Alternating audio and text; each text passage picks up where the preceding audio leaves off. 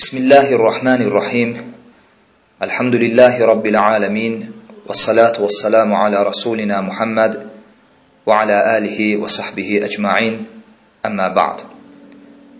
İnşallah bugündən etibarən e, Peyğəmbər sallallahu aleyhi və səlləmin unudulmuş sünnətləri barəsində silsilə və qısa formatlı bəzi dərslər götürəcəyik və e, bugünkü dərslə bu silsilə dərslərin birincisidir. Çünki Peyğəmbər sallallahu aleyhi və səlləm İmam Muslimin rəvayət etdiyi hədisdə buyurur ki, Mən da'a ilə hudə kənə ləhu minəl əcri misli ucuri mən təbi'ah la yanqusu zəlik min ucurihim şey'ə Yəni, kim bir xeyrə dəvət edərsə, kim bir xeyrə çağırarsa və o xeyrə tabi olanların savabından azalmadan onların savabından o xeyrə dəvət edənə də yazılar. Yəni, məsələn, sən bir yerə gedirsən və görürsən ki, o yerdə insanlar sivaq barəsində, misvaq barəsində qafildilər, cahildilər. Bu barədə heç bir məlumatları yoxdur və misvaq işlətməyin Rasulullah sallallahu aleyhi və səlləmin sünnətindən olduğunu bilmirlər. Və sən onların yanında misvaq işlədirsən və təbii ki, onlar bunun nə olduğunu səndən soruşurlar və son onlara bunu izah edirsən, bu əməlin Allah Rasulunun sünnətindən olduğunu bildirirsən, hər bir halda onları bu əmələ dəvət edirsən və nəticədə onlar səndən eşidib və ya səndən görüb öyrəndiklərindən ötürü başlayırlar o gündən etibarən misvaq işlətməyə və təbii ki, bu əməlləri ilə savab qazanırlar. Və onlar hər dəfə savab qazandıqda onların savablarından azalmadan onların savablarından sənə də savab yazılır. Sən elə bil özün üçün bir savab qapısı açırsan.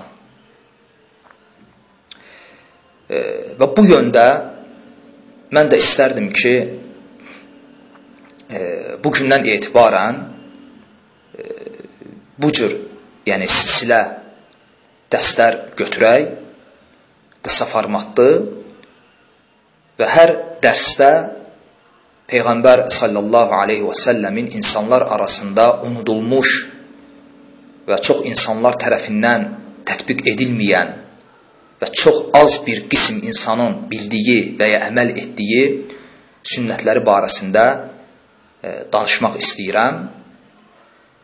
E, və bugünkü dərsdə e, istərdim ki, bir unudulmuş sünnət barəsində danışım və onu da qeyd edim ki, e, bu keçəcəyim e, qısa formatlı dərslər yəni mənim özümün e, cəm etdiyim e, kitablardan yığdığım məlumatlardır. Yəni müəyyən bir kitabdan keçmirəm. E, və birincisi budur ki, məlumdur bu gün insanlar içərisində Quran oxuyandan sonra sadaqallahul azim və ya sadaqallahul aliyyul azim kəlməsini, ibarəsini demək məşhurlaşıb, yayılıb və təbii ki, bunun da şəriətdə, Quran və sünnətə, sünnədə və sələfin əməllərində heç bir dəlili yoxdur.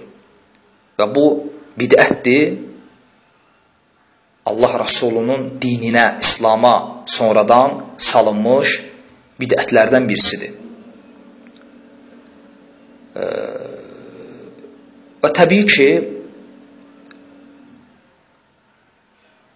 hər hansı bir bidət meydana gəlirsə, özünün müqabilində olan bir sünnəti mütləq aradan qaldırır. Və insanlar hər hansı bir məsələdə məlum olan, məruf olan, bilinən bir sünnəti tərk edirlərsə, təbii ki, orada bir boşluq yaranır və yaranmış o boşluğu vaxt gəlir, bir bidət doldurur və beləcə sünnətlər unudulur və bidətlər insanlar içərisində yayılır. Və bu bidət də belədir. Sadaqallahul azim bidəti hansı ki Quran və sünnədə bu barədə heç bir şey varid olmayıb. Çünki Quran oxumaq ibadətdir. Namaz kimi, oruz kimi, zəkat kimi, həc kimi, cihad kimi, başqa ibadətlər kimi Quran tilavəti də bir ibadətdir. Və hər bir ibadətin qəbul olunması üçün iki şərt var. O şərtlərdən birincisi o ibadətin məhz Allah üçün ixlasla edilməsi Çünki uca Allah buyurur ki: "Və ma umiru illa liya'budullah muxlisina lehu'd-din." Əl-ayə. Biz onlara ibadətlərində yalnız Allaha xalis bir şəkildə ibadət etmələrini əmr etdik. Allah azza və cəllənin qullarından qəbul etdiyi ibadət budur. İxlasla edilən ibadət. Hansı ki o ibadətə riya və sum'a göstəriş qatılmayıb. Bu birinci şərtdir. Və hər bir ibadətin, o cümlədən də Qur'an qirayətinin, tilavətinin qəbul olunması üçün lazım olan şərtlərdən ikincisi də edilən ibadətin Allah Rasulunun sünnətinə muvafiq olması və müxalif olmaması. Bu da çox önəmlidir. Və bayaq qeyd etdiyim kimi, Quran qirayəti də bir ibadətdir. Onun da özünə xas ədəbləri, ərkanları, vacibatları, müstəhəb, e, müstəhəbləri var. Məsələn, dəstəmazlı şəkildə Quran oxumaq, Quran oxumağın ədəblərindəndir. Və ya Quran oxuyarkən Quran qirayətinə, istiazənə başlamaq Quran və sünnənin bizə əmr etdiklərindəndir. Uca Allah buyurur ki: "Fəizə qara'tal Qur'an fəstə'iz billahi minəş-şeytanir-racim." Quran oxumağa başladığın zaman rəcm olunmuş, qovulmuş şeytanın şərrindən Allaha sığın. Və bu səbəbdən Peyğəmbər sallallahu aleyhi və səlləm həmçinin sələf-ü salih daima Quran qirayətindən qabaq Əuzu billahi səmi'il alimi minəşşeytanirracim deyərək şeytanın şərrindən Allaha sığınırdılar. Ancaq Quran və sünnədə gəlməyib ki, varid olmayıb ki, Quran oxuyandan sonra sadaqallahul azim deyəsən. Uca Allah buyurur ki, فَإِذَا قَرَأْتَ الْقُرْآنِ فَاسْتَعِذْ بِاللَّهِ مِنَ الشَّيْطَانِ الرَّجِيمِ Quran oxumağa başladığın zaman şeytanın şərrindən Allaha sığının. Və Quranda ayə varmı ki, Quran oxuyub qurtarandan sonra sadaqallahul azim denən? Yoxdur. Həmçinin sünnədə kifayət qədər səhih dəlillər mövcuddur ki, Allah Rasulü həmçinin onun əshabı Quran oxumamışdan öncə Əuzu billahi minəşşeytanirracim deyərdilər. Və sünnədə və ya sahabələrin əməlində gəlibmi ki, varid olubmu ki, onlar Quran qirayətindən sonra sadaqallahul azim deyirdilər.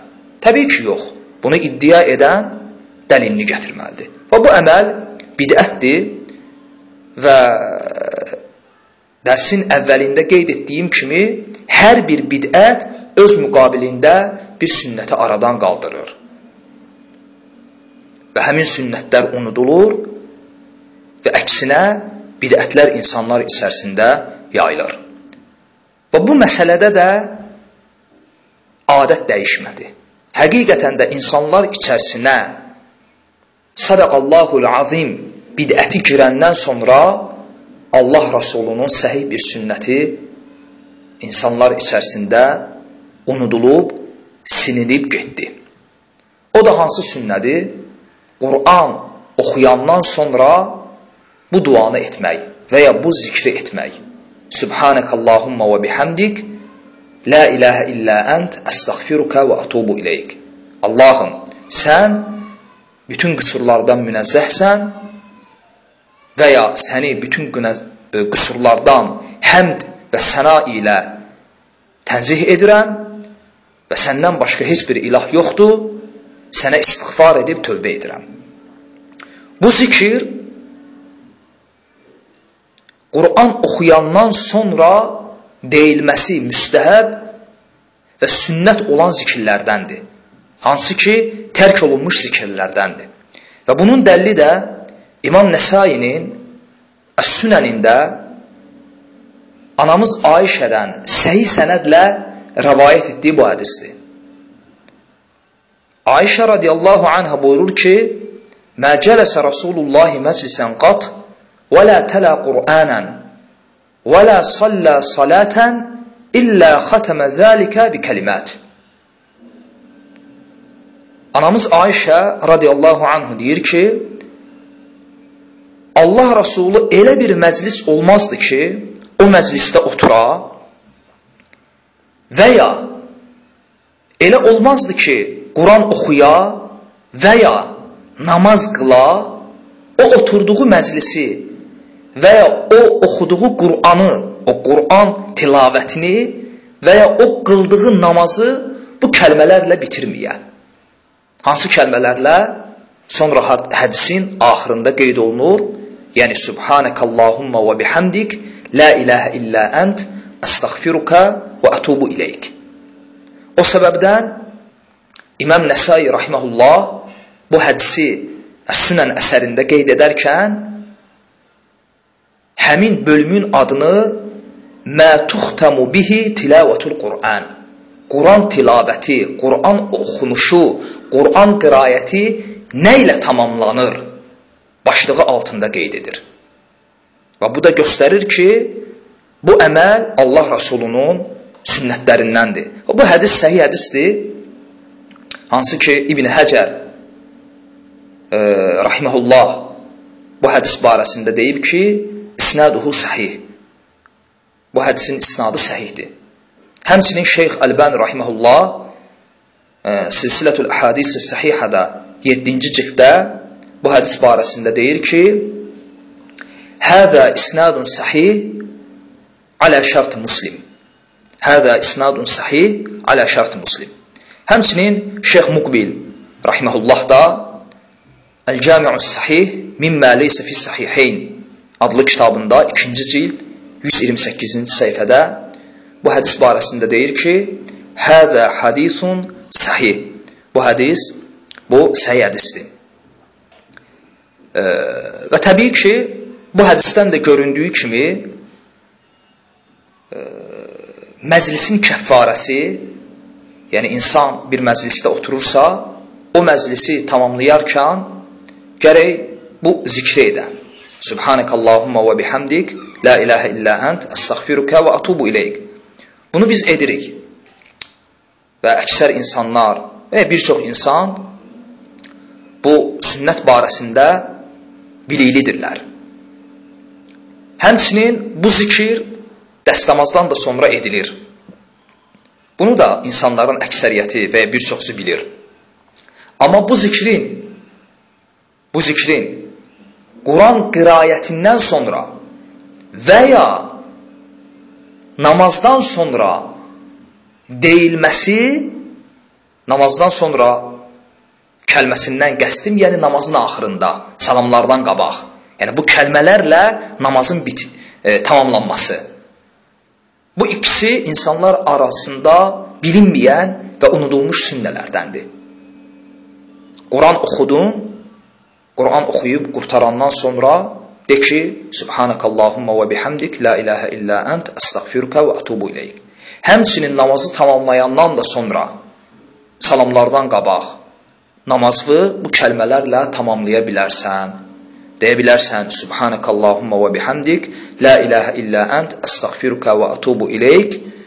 Və unutma ki, bu unudulan sünnələrdəndir və çalış ki, bu sünnəti insanlar arasında yayasan və kim ki sənin dəvətinlə buna əməl etsə, onun qazandığı əcirdən, savabdan heç bir şey azalmadan sənə də yazılacaq və doğrusunu Allah bilir. Subhanəkallahumma və bihamdik. Əşhədü ən la ilahə illə ənt, əstəğfiruka və etûbu. İxlasla.com saytı tərəfindən təqdim olundu.